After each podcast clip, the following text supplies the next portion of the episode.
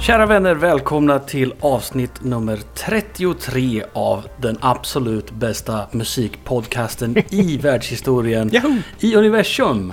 Stulet gods. Med mig Henrik Andersson och Anders Hesselbom. Hej Anders! Hej, vad kul att få vara tillbaka i vår nya coronasäkra podd. Nu kan ni lyssna utan att få öroncorona.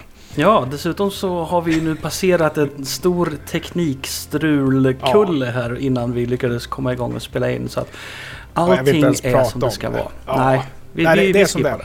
Vi går vidare. Men jag tror att jag kunde ha fått öroncorona för jag satt och spritade mina hörlurar och råkade få in ytdesinfektion i ör örongången. Men om jag trillar av pinn under inspelning så vet ni vad det beror på. Öronen ska väl få sitt så att säga. Lite alkohol emellanåt. Ja, du, eh, våran kära vän David Lilja, han ville inte ha någon fanfar den här gången. Han ville Nej. inte. Förra gången så, så berövade vi ju han fanfaren eftersom vi tyckte att... Eh, nej, vi, vi var lite sårade, eller jag var lite sårad över Han att han... kom, han kom med lite konstruktiv kritik och det, så, det vet jag inte riktigt vad jag tycker om. Nej, nej det, det räcker för att kränka mig kan jag ju säga. Men han hörde av sig med en låt som heter Raining Tacos från, jag tror att det kan ha varit 2010 någonstans där. Och en artist som heter Parry Grip. Aldrig hört Eh, talas om. Nej, jag har aldrig hört talas om det där. Och eh, jag lyssnade på den med stor behållning och undrar vad sjutton är... Vem är målgruppen?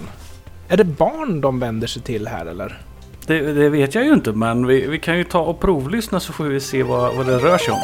It's raining tacos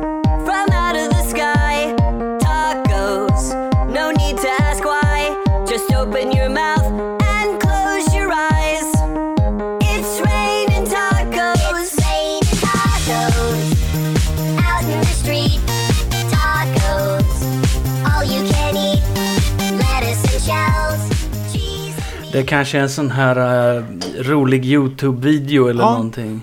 Alltså det kan ju vara så också, för idag är det väldigt svårt att veta vad som är för barn och vad som är tokroligt. Eh, Jag menar den här humorn som är populär, om, om, om vi backar till 70-talet så var det ju väldigt mycket politisk humor, det var väldigt mycket maktfrågor och sånt där. Allt ifrån eh, Yes Minister till Fawlty Towers, att det var väldigt mycket liksom makt i humorn.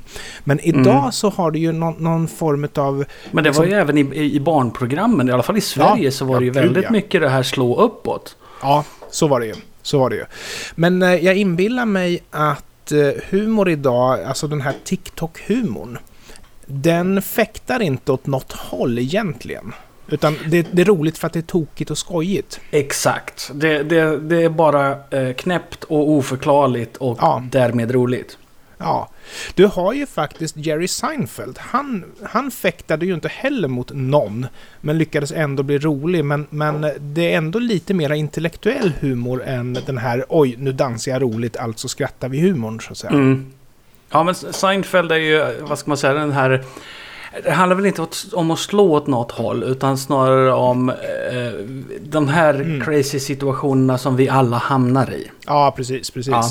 Och sen så har vi ju den humor som var poppis på 80-talet där man sparkade neråt bara för att chocken utav att man gör det är så himla rolig. Och Eddie Mm. Murphys ståuppshower till exempel.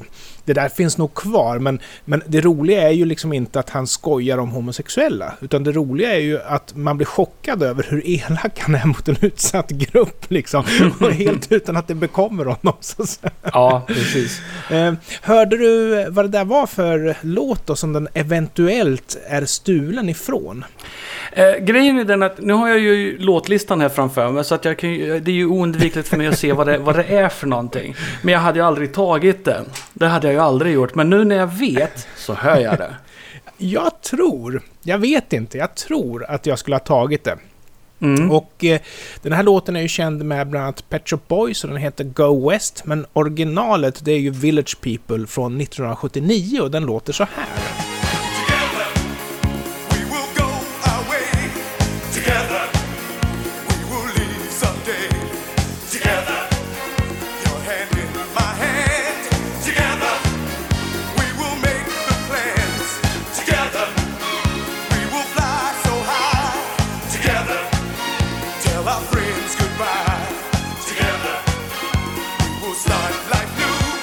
Frågan är om inte Pet Shop Boys-versionen är lite mera lik i melodin.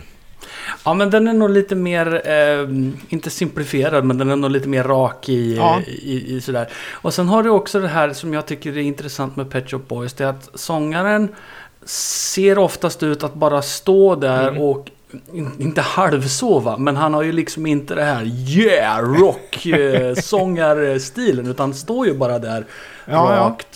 Och sjunger rakt så här. Ja, Han de, svävar inte ut så mycket, han inte så mycket känslor i det på det sättet. de var ju lite mera renodlad syntpop när de började och då passade det ju väldigt bra. Opportunities till exempel är ju hans eh, paradnummer och It's a Sin tycker jag han gör fantastiskt bra. Sen, eh, nu ska vi inte eh, snöa ner oss på Pet Shop Boys här, men han passar ju inte jättemycket till den här gayrocken som Go West. Men det, det blir väl en grej. Att- Ja, alltså där har du ju fördelen med det som vi brukar prata om eh, vad det gäller covers. Hade det varit någon mening för Pet Shop Boys att göra Go West om de gjorde den som Village People? Nej, Mm. de gjorde Nej. den som Pet Shop Boys och därmed är det liksom värt det. ja, Stöpa den i Pet Shop Boys-formen, även om eh, ja, Pet Shop Boys, jag känner inte till dem så pass mycket att jag vet huruvida de har en större bredd. Men de låtar man hör Mm. är ju inte jätteolika från varandra. Nej, vi ska stanna kvar lite grann vid Pet Shop Boys. Nu ska vi diskutera låtstöld, men vi ska återkomma till Pet Shop Boys idag, för det är lite Pet Shop Boys-tema idag nämligen. Och eh, jag har ju följt dem genom karriären och kanske att det har blivit lite mindre entusiasm i deras nya grejer som de släpper nu. Att det är liksom, ja ja, fine, nytt från Pet Shop Boys. Men det var stort förr. Alltså, Mm. eh, när de släppte skiva, då, då var det stort. Och jag vet inte vad jag ska göra med min katt. För när hon ska ha uppmärksamhet så går hon på tangentbord och på allting. Men, ja, ja. det, gör våra katter också. För att hon vet att då kan hon liksom bli märkt. Då kommer jag inte, inte veta om att jag har katt. eh, melodin är hyfsat lik. Eh, ackordföljden i början är samma. Igen, vi brukar ställa frågan om det här är för generiskt eller inte. Nu är det ju så att formen är ju helt annorlunda här. Det Mm. ena är ju en analogt inspelad discolåt och det andra är ju en digitalt inspelad, ja vad nu musikstilen heter, Jopp Heidi skämt skojlåt liksom. Eh, Samtiden, jag kommer aldrig begripa den. Jag tänker fria Parry Grip. Möjligtvis så skulle jag kunna fälla han för att jag tyckte han var så dålig. Det, ehm, Perry Grip har ju inte gjort en låt i försök att visa vilken fantastisk musiker han är. eh, utan Perry Grip handlar det om att nu ska jag göra en mem på YouTube. Och, eller TikTok eller Mm. vad, vad kidsen tittar på. och det är liksom... Det är inget. Nej. I och med att vi var tvungna att backa lite grann från anklagelserna kring Coldplay och Joe Satriani, då känner jag att då måste vi backa från väldigt mycket. för, för när vi lyssnade på den där så var ju du och jag överens om att det här är en låtstöld. Men sen så fanns det liksom mer att säga och jag tänker fortfarande att Coldplay, nej, jag fäller dem fortfarande. Men jag gör det lite mer ödmjukt nu när jag har läst på liksom. Ja, men samtidigt så... Om vi nu ska se till, till, till, till Perry Grip här då. Har han lyssnat på Village People med Go West någon gång i sitt liv? Definitivt. Ja. Eh, har Village People copyright på basgången? Eh, Det är ju en enkel, han går väl... Nej, nu ska jag inte sitta och rabbla ackord här för det var så länge sedan jag höll på med musikteori. Ja, men det är väl bara en four chord eh, loop liksom. ja, och det är standardackord liksom. Ja. Det är mycket möjligt att Perry Grip inte ens tänkte på vad han gjorde. Nej. För det där är ju inte... Men vi kan ju säga så här, vi erkänner likheten. Men skulle vi fälla det här så skulle väldigt, väldigt mycket annat också slinka med. Ja, Dinkat Sture undersöker saker. hade också. Perry Grip legat etta på topplistan då hade det varit en helt annan grej. Ja. Ja, men nu är han en, en... Nu gör han en dum grej liksom. Ja. Vi, Ja, vi- ja, vi friar. vi friar där. Vi friar. han, får, han får göra så. Och det Varsågod. Parry, du får våran allsmäktig dom faller till din fördel. Tio år senare. Du kommer ihåg att vi eh, för några avsnitt sedan pratade om Always On My Mind med Pet Shop Boys. Mm. Jag skulle vilja, på tips från Martin Fransén, lyfta låten Let It Be med gruppen Top Secret.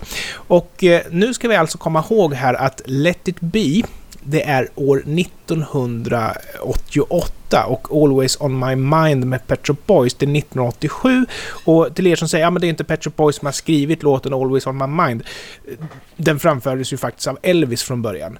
Ja. Faktiskt inte från Elvis. Elvis var faktiskt inte ens först, men whatever. Ja, men de här riffen som vi ska lyssna på finns ju bara i Pet Shop Boys version. De har gjort en ny låt utav det. De har bara använt liksom melodin och texten. Så. att. Mm. Och eh, det här är alltså Let It Be från 1988 med Top Secret.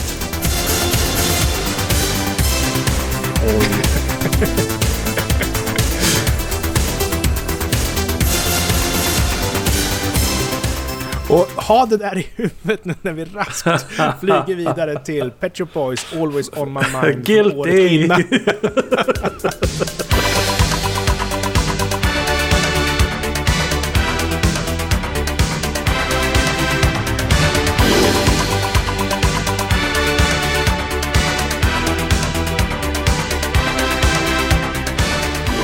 Ja, det är ju...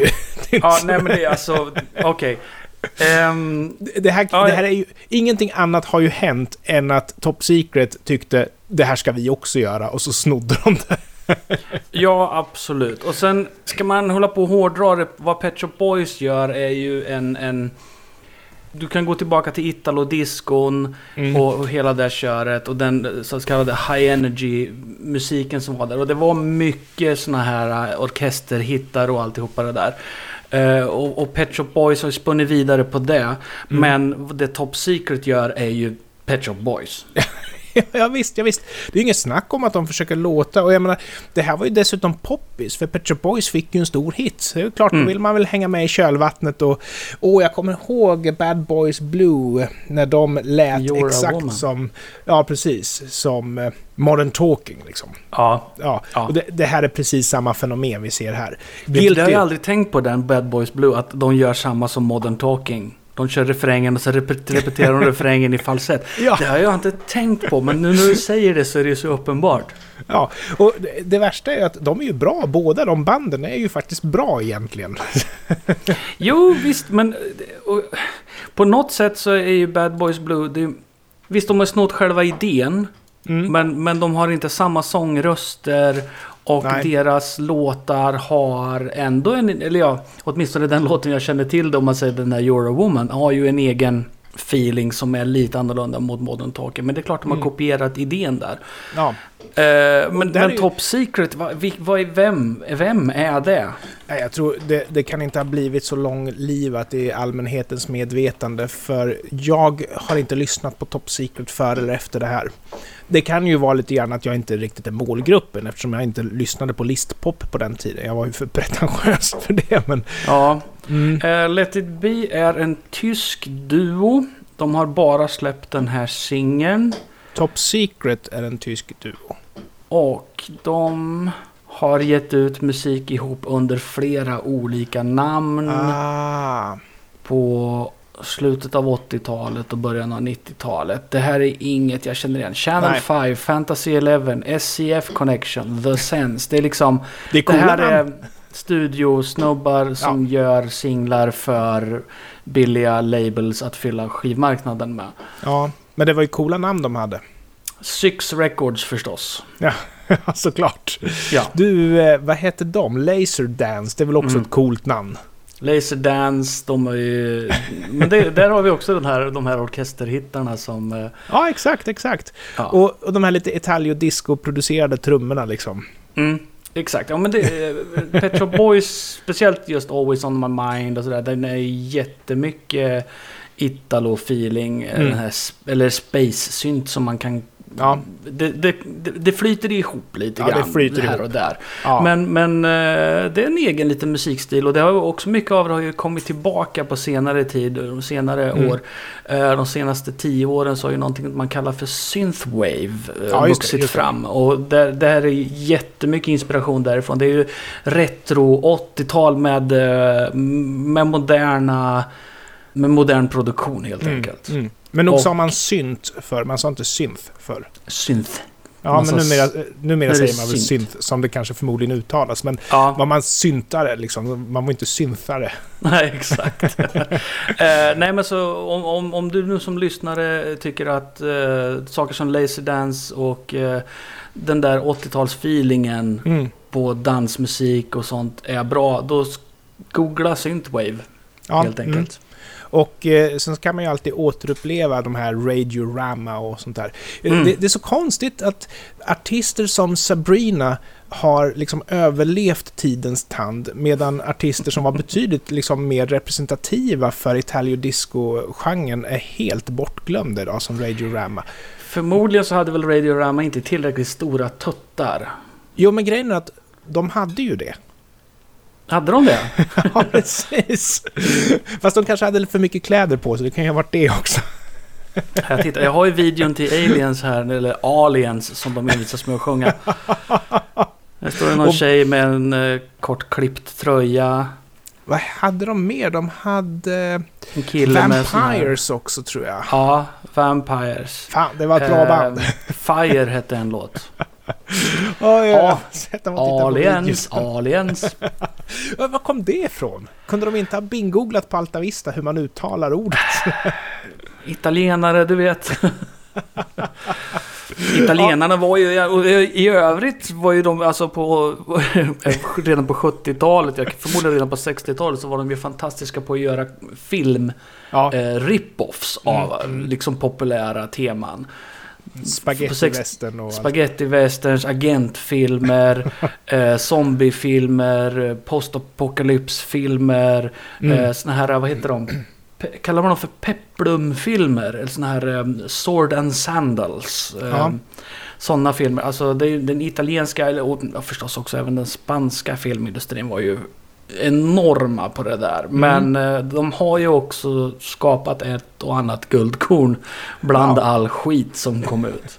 Ja, alltså det är roligt och de här små italienska bolagen kan ju ibland göra västerländsk film som utspelar sig i Italien med såna här specialeffekter som är helt efter sin tid. Till och Mm. med Roger Moore gjorde ju någon helgonet Ja, ja. lång film där nere liksom. Och det var liksom när de sitter i, i bilen och åker bland bergen så är det liksom som Mupparna. Liksom. Det är så dåligt inklippt. Jo visst, det var ju många Hollywood-skådisar och brittiska A-listare som, som åkte ner och Mm. gjorde sådana där filmer. Därför att chansen var ju att ingen fick ju någonsin veta. Eh, De gick på någon taskig biograf någonstans i Italien i två veckor sedan så kom de aldrig vidare för att det fanns Mm. inget som hette hemvideo. Nej, men det är lite grann som Nicolas Cage gör antar jag. Att man tar en liten summa pengar för att jobba lite och göra en dålig film.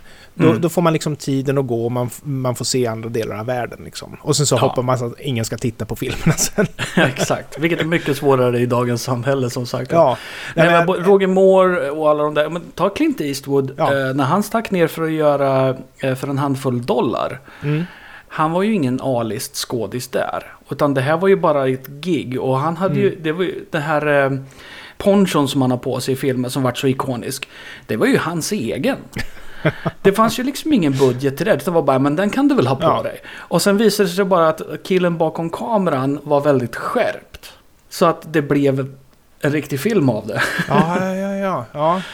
Nej, jag, jag personligen jag gillar ju dåliga filmer, men gränsen går liksom vid Nicolas Cage, för då tycker jag att då blir det så dåligt så att det inte ens är roligt att titta på det. Men Ja men det, när, man, när de skiter i det. När man Ja. säger att skådisarna skiter i det, regissörerna Ja. allihopa skiter i det. Det är inte alls samma sak som att vara fullständigt eh, en fullständig klåpare. mm, nej, precis, För precis. där kommer intresset in. Att det är klåpare som har gjort filmen. Ja, och du, du har helt rätt, för Adam Sandler är ju ett annat bra exempel. Han försöker inte ens, och då blir det så dåligt så att det, det verkligen är dåligt. Men har du någon, ett klappträ som liksom ger järnet, passionerat, ska göra en bra film, då kan ju vi uppskatta det som publik, att ja, men de försöker ju så hårt. Men det går ju att applicera på musik också. ja, ja, Eh, Man, man märker om det är, är det här cyniskt, det här är ytterligare en låt i den här genren. ja. Eller är det Eilert? Mm, mm. En trött musiker som bara levererar, nej, det ger vi ingenting för. Men ett klappträ som sliter passionerat, då kan man ju åtminstone Exakt. tycka det är lite kul. Exakt. Ja. Vad vet du om I Love Rock'n'Roll? Du känner igen den med Joan Jett, va? Jajamensan, det, det är en fin liten klassiker som man eh, lite hatälskar. Den är så sönderspelad men Ja. samtidigt så är, alltså den funkar ju. Den Vi tar bara några takter på den då, för alla svinbra. har hört den. Ja, visst.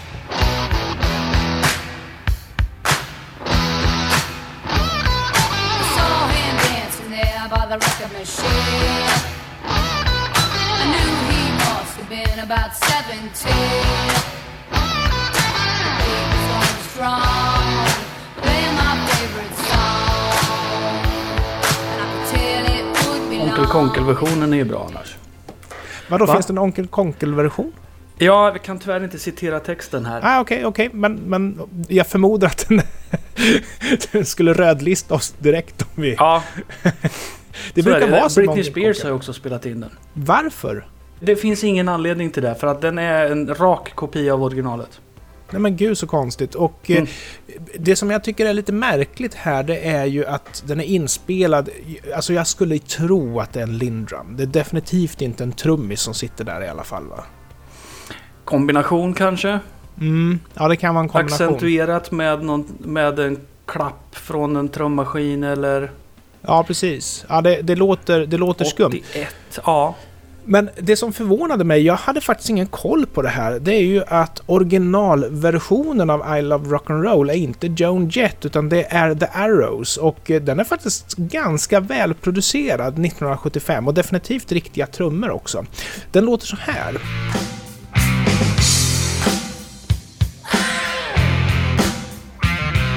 I saw her dancing there by the record machine. She must have been about 17. Mm. The beat was going strong, playing my favorite song. Det där är det där virvelljudet som jag tycker så illa om. Alltså du ogillar det. Jag tycker att det är ganska snyggt. Det enda som jag egentligen stör mig med på den här låten det är att den är inte riktigt tight. Jag vet inte varför, men den är inte riktigt tight. Men jag tycker nästan att det här var lite före sin tid för att vara liksom 1975. Den är ju väldigt cleant, alltså det är så, den Ja. är väldigt välinspelad. Och jag tänker att för att den här skulle ha funkat kanske bättre så skulle Mm. den behövt vara skitigare. Ja, Lite du, grövre men du pratade om virvelljudet som du ogillar och det här stora virvelljudet, jag är ganska imponerad på att man får till det 1975 för det var ju en grej annars på 80-talet. Och varför var det en grej på 80-talet? Jo, för man kunde ha syntetiska trummor eller man kunde bli duktigare på att isolera virveltrumman om det var så att det var en riktig trumma. Drog man på mycket reverb på ett trumset 1975 så fanns det ju en stor risk att det läckte in ifrån andra trummor in i virveltrummans mick så blev det bara gröt av alltihopa. Så att få Mm. till ett stort virvelljud 75 var svårt. Men uppenbarligen gick det ju. En grej som jag tror att många icke-musiker inte har någon aning om det är att du faktiskt ställer in tonläget på virveltrumman också. Ja, Folk tänker väl att ja, men en virveltrumma trumma är en virveltrumma, men nej, du måste stämma den. ja. Och eh, du kan ju medvetet då ha en, en felstämd trumma för att det ska sjunga.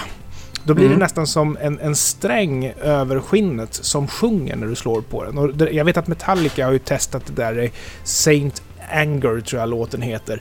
Och eh, de blev väl rätt hånade för hur den eh, musiken var producerad där, för det lät inget vidare. Men det, det är såna här knep.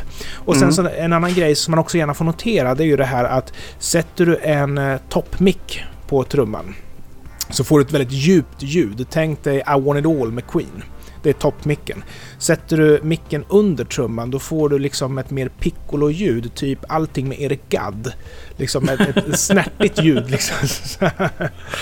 Och de, är man riktigt seriös så sätter man ju liksom både en mick över och en mick under så kan du liksom fejda mellan hur mycket djup du vill ha i. Och sen så har du Mm. naturligtvis akustikmickar också såklart. I Arrows version här så har, så har ju då eh, virveltrumman har ju en, en tydlig ton. Ja, Eh, Medan i Joan Jett så har man ju valt att accentuera virveltrumman med, med klapp mm. också. Liksom att, och, eh, Joan Jett kör klafset. Ja. Den här boom, boom, klafs. ja precis. För deras är ju stumt mixad för, för att... Ja, exakt. Medan, Ja. medan The Arrows är ju väldigt mycket reverb och sånt där. Eller som vi så fint säger, rumseko. Rymdseko. eh, jag, jag föredrar väl egentligen Joan Jett, inte bara för soundet, att den är, den är mer...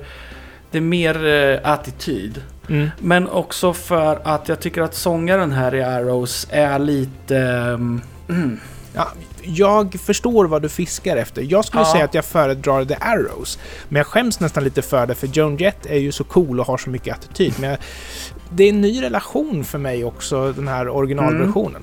Och dessutom så vill jag ju säga att eh, det är ju inga problem att Joan Jett gjorde cover på den här, därför att hon gjorde ju någonting nyttigt av låten. Trots att de följer varandra musikaliskt så extremt noga, så har de ju helt andra sound liksom.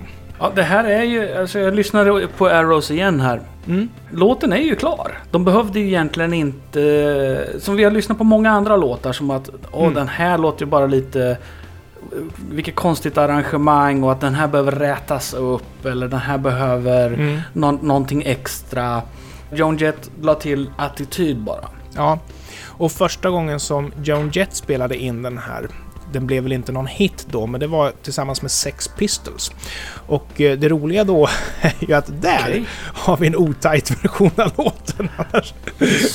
Surprise! Så det, den behövdes liksom spelas in på nytt om hon skulle släppa den på singel och då gjorde hon det med sitt egna band 81 och det är ju den som blev en stor hit. Då. Ja.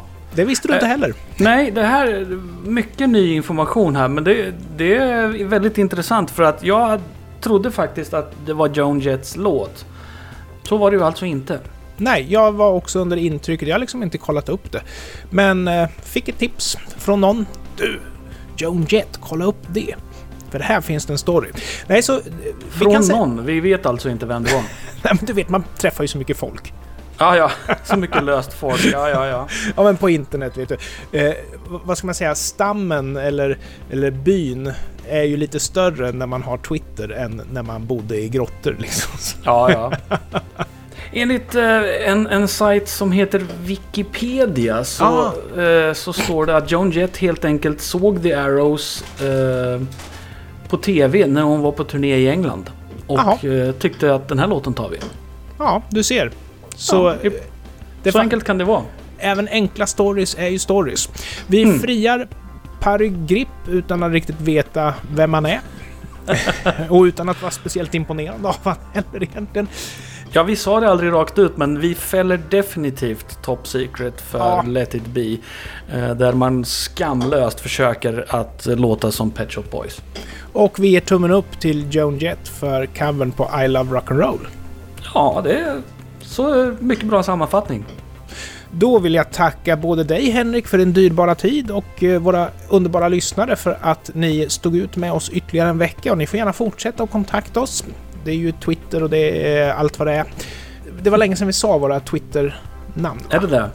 Min Twitter är i alla fall eh, snabel A camouflage underscore och det stavas C-O-M-M-O-F-L-A-G-E underscore. Att, att du kan bokstavera det där, helt otroligt. Vet att jag tänker inte ens på det utan det flyter bara igenom. Så smart är jag. Ja, okej. Ja, jag heter A. Hesselbom och det stavas snabel A då. E A-H-E-S-S-E-L-B-O-M. Eh, vi hörs om en vecka igen. Tack så mycket. Hej då! Tack ska ni ha. Hej hej.